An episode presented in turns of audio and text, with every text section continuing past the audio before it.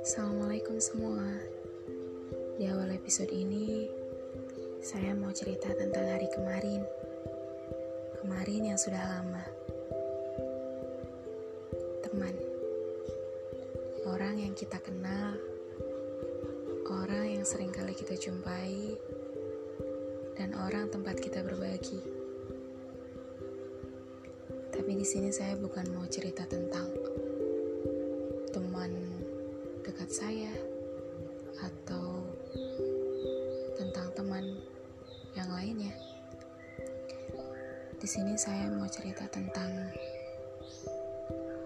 dulu saya berpikir bahwa kita tidak perlu teman selagi kita masih bisa melakukan apa pun dengan sendirian.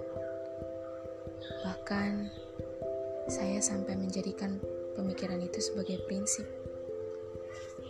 Aneh memang. Tapi mungkin di luar sana juga banyak yang sepemikiran. Bertahun lamanya saya menjalani prinsip itu.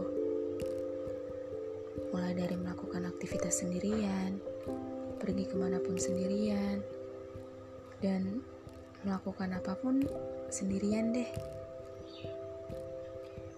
Bahkan saya hanya akan mengobrol jika ditanya. Selebihnya, saya jarang sekali memulai obrolan duluan. Karena bagi saya, selagi itu nggak terlalu penting, ya mending gak usah diobrolin. Buang-buang waktu. Beberapa orang menyebut saya si antisosial. gak apa-apa sih gak punya banyak teman. Karena emang udah nyamannya begitu. Sulit rasanya untuk mempercayai seseorang sampai dia bisa mendapat predikat seorang teman bagi saya. Huh. Setiap orang pasti punya masalah. Atau mungkin sekedar unek-unek yang mesti diceritain ke teman kan. Tapi saya pikir Kenapa mesti ke teman? Kan kita bisa nulis diary, curhatin semuanya ke buku. Sesekali ngeluapin emosi dengan ya menggambar-menggambar yang abstrak gitu. Itu yang saya lakuin kalau punya masalah atau sesuatu yang gak enak lah. Ungkapinya selalu di buku.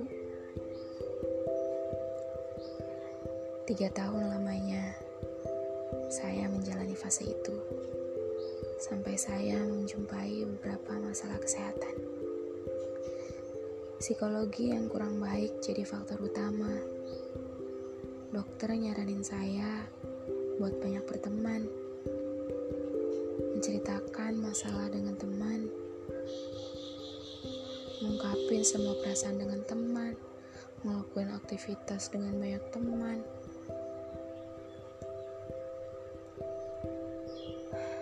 tapi saya belum bisa belum bisa ngelakuin semuanya. Dua tahun saya berusaha mengubah pola pikir saya mengubah prinsip saya prinsip yang sebelumnya sudah terbangun selama bertahun-tahun dua tahun pula saya ketergantungan obat dan beberapa jenis herbal untuk mengatasi masalah kesehatan saya. Sampai akhirnya saya ngerasa benar-benar capek, bosan.